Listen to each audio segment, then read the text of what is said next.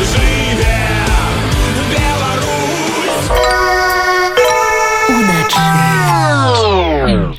Кіно увасабляе нашу нязломную волю і аптымізм, нашу прагу да жыцця і справядлівасці, права людзьмі звацца. Кіно ідзе таксама, як і час імкліва і павольна, хаатычна і структуравана, але не супынна. Кажа наша сённяшняя гераіня воля чайкоўская. Прадюсарка, рэжысёрка і дырэктар фестывалю кіно паўночнае зянне. Цягам многіх гадоў стварала ў Беларусі унікальную пляцоўку, дзе можна было ўбачыць найноўшыя гульнявыя фільмы паўночнай Еўропы і краін Ба Балтыі. Зараз ольга жывей працуе ў эстоніі здымае свой першы рэжысёрскі дэбют і спадзяецца абавязкова вярнуцца ў Беларусь натхніцца любімымі краявідамі і хто ведае магчыма правесці восьмы фестываль паўночнае зянне Ольга скажите калі ласка колькі ўжо часу мінула з таго моманту як вы там а не тут і увогуле вось гэтае сваё знаходжанне за мяжой успрымаеце як ралакіт як нейкую эміграцыю. Як правільна ўсё гэта акрэсліць як вы гэта адчуваеце? Мінула уже напэўна колькі. О май гад улетку 22 -го год года будзе 5 гадоў. Але я тут мушу адзначыць што я мела такую прывілегію з'ехаць беларусі да падзеі жніўня два -го года і мне не прыйшлося прымаць нейкіх балючых рашэнняў мне не прыйшлося з'язджаць у нейкай спешцы бо я пераехала па іншых зусім прычынах. Я пераехала ў жніўні 2018 года бо поступила ў магістратуру рэжысура і прадзюсирования дакументальнага кіно у таленскую кінашколу балтыйскую школу кіно і тэлебачанне. Ну і уласна я з'ехала вучыцца. Я не думала про то что не вярнуся тым больш я не думала про то что я не змагу прыязджаць нават. Я думала что я скончу кінашколу і буду вяртацца ў Беларусь. Такі быў мой першапачатковы план Ну і ў цэлым я не думала пра гэта як пра эміграцыю ці рэлакейт бо я трошку такі да пандэміі я вела такі лад жыцця што я вельмі шмат перасоўвалася вельмі шмат ездзіла па працы па кінафестывалях. Я адчувала сябе трошку такой грамадзянкай свету. Пажыць у іншай краіне па-за межамі беларусі я просто ўспрымала гэта як ну, так, такую часовую з'яву якая ну я, якая я не думала што будзе неяк моцна ўплываць на маю ідэнтычнасць скажем так. Калі вы былі апошні раз беларусі У апошні раз я была ў Беларусі у лістападзе 19 -го года. Я здымала акурат тады свой фільм агульная мова пра бацькоў. кароткі дакументальны фільм, такая інтымная сямейная драма, як я называю якраз тады. І потым я мусіла ехаць у сакавіку два -го года. У мяне ўжо былі квіткі, я мусіла прыязджаць. Я мусіла сустракацца з камандай зяння, мы рыхтавалі фестываль. Я мусіла застацца даволі надоўга бо гэта быў той час калі ўсё яшчэ вучылася ў кінашколе а мы якраз таки у красавіку мусілі праводзіць паўночнае зянне і гэта быў по-моему які шостае зянне мусіла быць. Я ну планавала прыехаць так на месяц можа быть нават на, на даўжэй. Загадзя да фестывалю і уже застацца на фестываль там і пасля. Ну і мне прыйшлося здаць квіткі тому что перасталі лётаць самалёты все пазачынялася за пандэміі. Вот якраз тады пайшла першая хваля да нас дакацілася першая хваля хваля і все я не потрапіла і потым я не потрапіла потым все было зачынена доўгі час як вы памятаеце немагчыма было прынцыпе выехаць. Потым у мне былі іншыя розныя прычыны звязаны з документамі маімі чаму я не могла прыехаць. Ну а потым пачаліся падзеі такія что ввогуле зусім я была до гэтага не готова ніхто не быў готовы і ну і вот так. І зараз у прынцыпе я не могу прыехаць А як жыць з гэтай думкай увогуле што па-першае ты можаш не вярнуцца дадому а па-другое нас усіх накрывае час ад часу нават калі я азіраюся. Божа я ўжо больш як год не бачыла сваіх родных.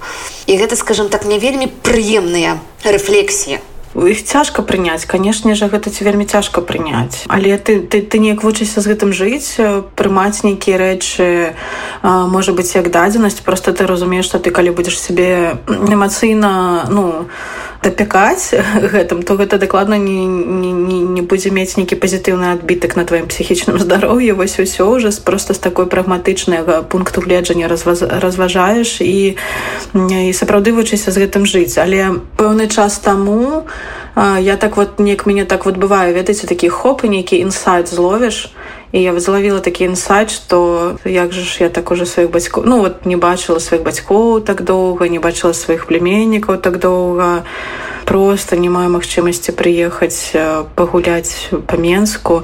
Мне мара вярнуцца ў беларусі просто такі зрабіць тур по по беларусі аб'ехаць усё паглядзець на народную краіну неяк так на на атрымаць нейкую энергетыку вельмі хочется канешне ну мець магчымасць прыехаць прынамсі.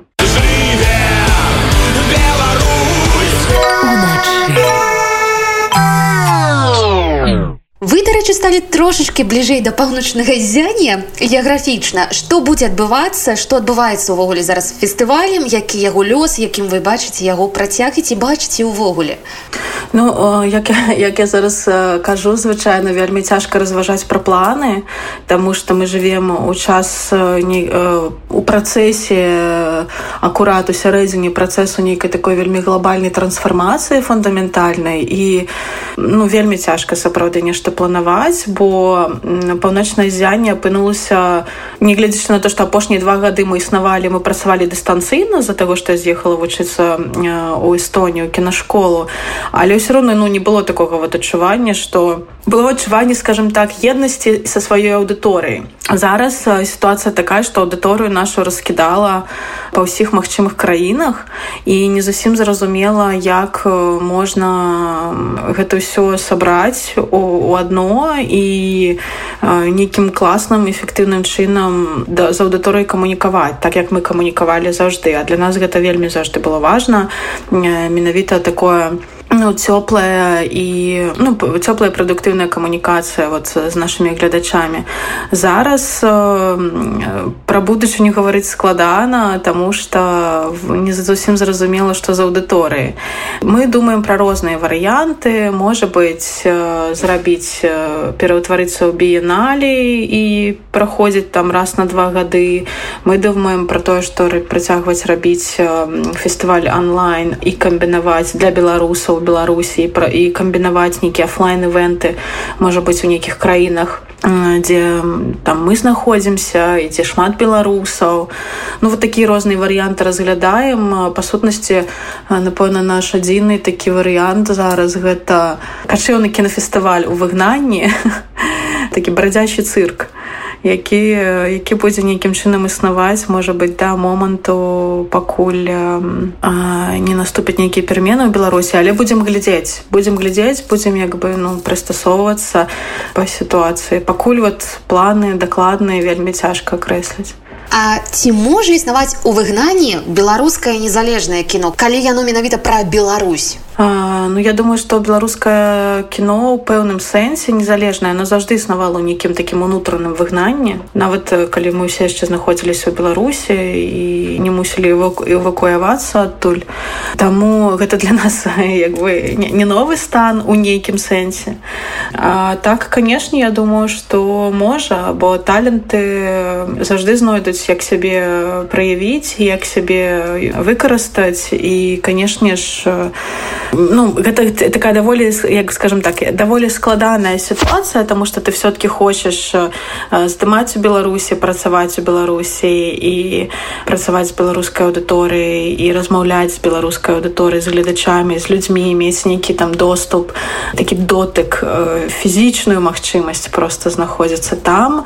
І для канешне же для творчых людзей для фільмейкераў гэта вельмі важна ну але нам не прывыкаць розныя спосабы можна прыдумляць для таго каб працягваць здымаць кіно. Я думаю что гэта такі ведаеце гэта адна з такіх складанасцяў якая можа быць потым будучыні прывядзе да нейкага росту. Там что заўжды крызіс можна успрымаць любы як кропку росту. Я так стараюся на гэта глядзець все-таки пазітыўна. Маю такую прывілегію за апошнія 10 за апошнія 15 гадоў ты гадоў калі вы вельмі актыўна знаходзіліся ў нашым беларускім кінаруху ці былі за апошні час нейкія перыяды развіцця і кінаруху і беларускага незалежнага кіно беларускага кіно ўвогуле перыяды якія вам вельмі падабаліся як бы перыяды ўздыму Ну я буду напэўна мерыць так э, по дынаміцы развіцця паўночнага зяння вот у момант калі четверты пятый год паўночнага зяння мне здавалася что вау мы мы выходзім на нейкае ну на нейкае можа быть у добрым сэнсе плато на нейкі такі роўны перыяд роўную паверхню стабільнасці у добрым сэнсе того что вот мы атрымалі нейкую глебу под нагамі мы можемм цяпер упэўнена рухацца наперад. І я гэта глядзела по тым як вот кінакам'юніці развіваецца фестывальная бы кам'юніці акзянне развіваецца ну гэта было класна. Людзі сталі яшчэ больш фільмейкеры беларускія мае навазе больш ездзіць тусавацца з міжнароднымі з міжнароднай кінакам'юніці неяк такая ну, нараджалася зараджалася можа быць нейкая еднасць кансалідацыя пэўная сілы не групаваліся. Ну не нешта такое адбывалася. Канешне жа не на заканадаўчым узроўні на жаль адбывалася лабіраванне выкананне беларускага заканадаўства для того каб быць больш гібкім у падтрымцы беларускіх фільмейкераў але там асабліва відавочных пазітыўных зменаў не адбывалася бо гэта все вельмі такі марудныя працэсы і пэўныя рэчы блочаць адна адну. Але ну, мне здавалася что вот гэта вот вот гэта выглядала як нейкае такое у новым часе не нейкі такі вот пазітыўны такі момант. Ну але потым вот з прыходам пандэміі спачатку а потым палітычна палітычнай гэтай турбулентнасці ў беларусі все абсалютна перайгралася не ведаю як мы гэта перажылі А вось дарэчы у вас зараз жа ёсць прыклад таго як зусім маленькая краіна Эстонія взаемадзейнічае э, з прадстаўнікамі кінаіндустрыі падтрымлівае або не падтрымлівае сваё кіно. Што вас як бы здзіўляе ў гэтым магчыма фармаце зносін паміж дзяржавай і кінатворцамі? Магчыма колькі назірання ў ваших прафесійных? Здзівіла здзівіла. не хутчэй просто ты азначаеш нейкія рэчы якія працуюць тут і якіх няма ў беларусе ну тое самае у прынцыпе што я і назірала нейкім чынам вывучаючы кінаіндустрыю ў скандынаўскіх краінах на прыкладзе падчас працы з паўночным на паўночным зяне там і так далей напэўна самая глобальная розніца ў тым што тут ёсць інстытуцыя эстонскі інстытут кіно які прынцыпе з'яўляецца такой парасой масонавай арганізацыі і з'яўляецца інстытуцыя якая фінансуе кіно інстытуцыя якая збірае карысную інфармацыю займаецца на заканадаўчым узроўні працэсамі звязанымі з кінематографам то бок тут вельмі так усё арганізавана і адначасова ёсць нейкія такія незалежныя ініцыятывы кшталту розных саюзаў аб'яднанняў прадюсераў аб'яднанняў рэжысёраў аб'яднанняў дакументалістаў. Там і так далей якія дапамагаюць гэтую інфраструктуру рэгуляваць змагаюцца вот ну тут напрыклад была праблема што хацелі урэзаць фінансаванне на кінематограф якой паднялі падчас пандэміі для того каб дапамагчы фільмейкерам выжыць таму што вельмі шмат здымкаў спынілася і так далей. І быў вялікі такі ахтунг як же нам усім зараз тут не, не памерці з голаду.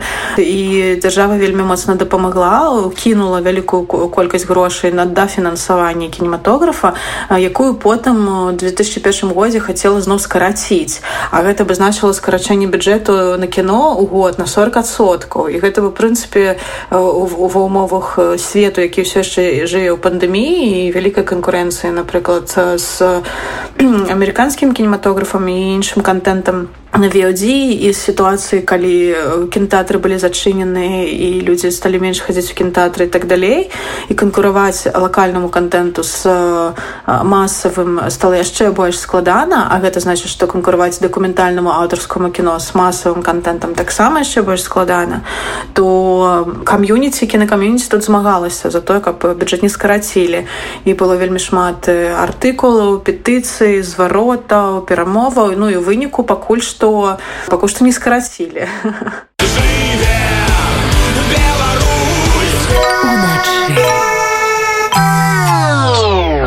Дарэчы, летась вы атрымалі падтрымку эстонскага інстытуту кіно за свой першы вялікі рэжысёрскі дакументальны фільм вось не маглі б вы трошки падрабязней увогуле расказаць і скажем так пра гэтую ну умоўна адзнаку вашай працы ну і падрабязней распавесці пра стужку калі гэта магчыма гэта гэта вельмі прыемна і гэта просто частка натуральнага працэсу і э, грошы ад эстонскага кінаінстытута я атрымліваю не ўпершыню я их регулярно атрымліваю на свои проекты як продюсерка. Ну конечно гэта на основе конкурсу все есть проекты якія не атрымліваюць фінансаванне. Тому конечно у нейкім сэнсе гэта прызнанне і гэта вельмі вельмі прыемна. Але гэта правда что зусім недавно я атрымала уже грошы падтрымку ад кінаінстытута эстонскага на свой рэжысёрскі першы вялікі фільм про які я на жаль падрабязнасці не могу зараз расказваць А ўвогуле чым яшчэ поўніцца жыццё творчы таму што мы да, даволі доўга не маглі дамовіцца на размову і з маіх прычын з вашых прычын найперш вашай занятасці. Чым занятыя зараз і чым поўніцца якімі заняткамі? Слухайте ну э, жыццё ідзе пастаянна нейкія рэчы прадюсера вельмі шмат задач. Я ўвогуле э, літаральна пару дзён таму стала думаць што так як я працую зараз яшчэ як і рэжысёрка на праекце сваім але я адначасова яго і прадюсірую але ў мяне яшчэ яшчэ тры прадюсеры якія са мной працуюць. І я як бы гляжу па камунікацыі з імі як што адбываецца і ў прынцыпе якую я як прадюсерка цягну працу і так далее. Просто подумала Божа прадюсеры гэта нейкія святыя людзі реально вот правда дай бог ім здароўя Таму што гэта просто камунікацыя нон-стоп, гэта праца нон-стоп, гэта абсалютны пастаянны стрэс-менеджмент.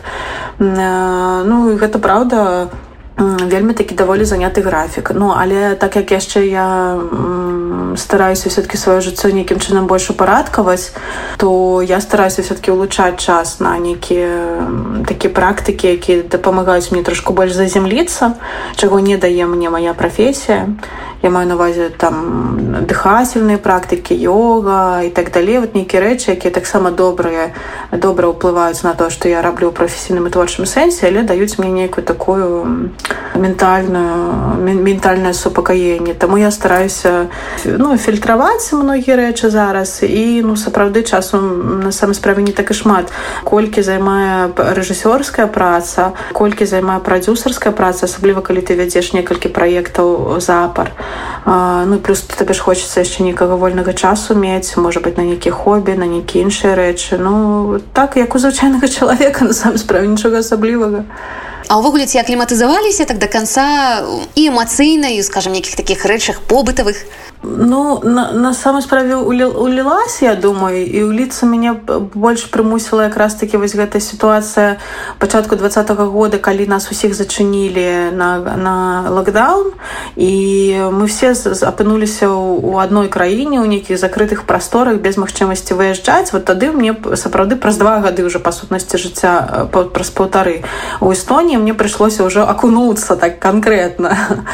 Потому что ну, не было выйсця іншага ну тут лад жыцця розны я просто сама по сабе чалавек вельмі дзейнительны і вельмі такі хуткі імклівы таму мне все равно мой нейкі рытм там жыцця захоўваецца даволі такі актыўны А что тычыцца мовы то я вучу зараз мову. Мне зараз я хаджу на курсы ўзроўню а2 вот мова вельмі складаная не прынцыпе ні на што не падобная ну трошку падобная на фінскую мову якую таксама у менску яшчэ вучыла у шведскім цэнтры колісь але потым кінула.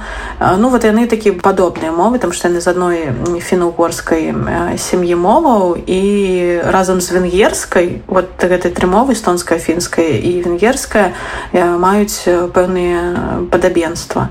Вот але тут тут, тут усё увесь сінтаксіс і ўсё словаўтварэнне все будуецца выключна за кошт суфіксаў тут няма больш ніякіх іншых частак мовы частак слова якія і мовы якія дапамагаюць будаваць аднос адносіны да месца часу дзень так далей все за кошт суфіксаў ну перастроіцца на так, такі лад мыслення вельмі цяжкае вот. Але ну адначасова гэта як бы класна прикольно вучыць нешта новае заўжды карысна для ну для і для развіцця і у сэнсе здароўя твайго мозга.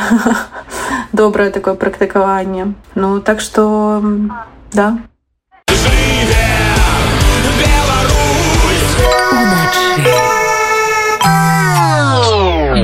ольга дзякуем вялікі за цікавую размову і напрыканцы Мачыма ад вас можна атрымаць нейкі топ беларускіх кінастужак якія нам дапамагаюць зразумець нас сённяшніх якая гэта будзе подборка ад ольгі чайковскай для того каб зразумець вот Беларусь сёння то я напэўна парэкамендую тады э, некалькі стужак я парэкамендую стужку якая уже выйшла некалькі гадоў таму гульнявую якая называется хрусталь дар'і жук Я думаю, што гэта стужка, якая вельмі шмат гаворыць пра Беларусі, пра сучасную Беларусь таксама. Нягледзячы на тое, што гэта дзеянне фільма адбываецца ну, пэўная колькасць гадоў у мінулае але як бы мы ў гэтым мінулым у нейкім сэнсе ментальна асабліва ўсё яшчэ жывем і пра, пра прыгоды галоўнай гераіні фільма.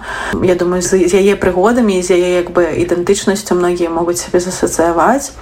Таксама я параю фільм Саша кулак Мара які зараз вот займею сусветную прэм'еру на роттердамскім кінафестывалі які непасрэдна гаворыць пра падзеі у беларусі які адбываліся ў жніўні два -го года і пра такі пра посттраўматычны скажем так сіндром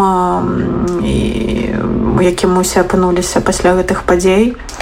Ну вось гэта лёгка было ты яшчэ адзін каб вам топ-3 парэкамендаваць. Я бы не можа быць парэкамендавала нешта зусім даўняе. Не памятаю якого года гэты фільм але гэта дакументальная стужка Віктора аслюка якая называется драўляны народ пра майстра разьбы па дрэве які жыве ў беларускай вёсцы і стварае просто абсалютна унікальны свет вакол сябе ледь там не ў поўны рост выразаючы розныя драўляныя фігуры хаткі там цэлыя гарады людзей жывёлу і так далей стварае пэўную такую сваю вот пэўны свой сусвет і гэты сусвет у пэўным сэнсе таксама мне здаецца гаворыць пра вось гэтую унутраную міграцыю у якой пэўны момант і зараз і жылі і працягваюць жыць вот беларусы неважно ці яны з'ехалі з беларусі ці яны яшчэ засталіся. Думаю что это просто нейкая такая наша на філасофскім узроўні наш нейкі код то что мы вот сыходзім у гэтую унутраную міграцыю не некаторыя сыходзяць у унутраную міграцыю скажем так усвядомлена а некаторыя вот так вот жывуць быццам бы у сне стараючыся адмаўляць то что сапраўды у рэчаіснасці бы адбываецца быццам бы заплюшчваць на гэта вочы. Вот і гэты фільм драўляны народ Віктора слюка у сэнсе як метафора такога стваральнага падыходу да ўнутранай міграцыі мне вельмі падабаецца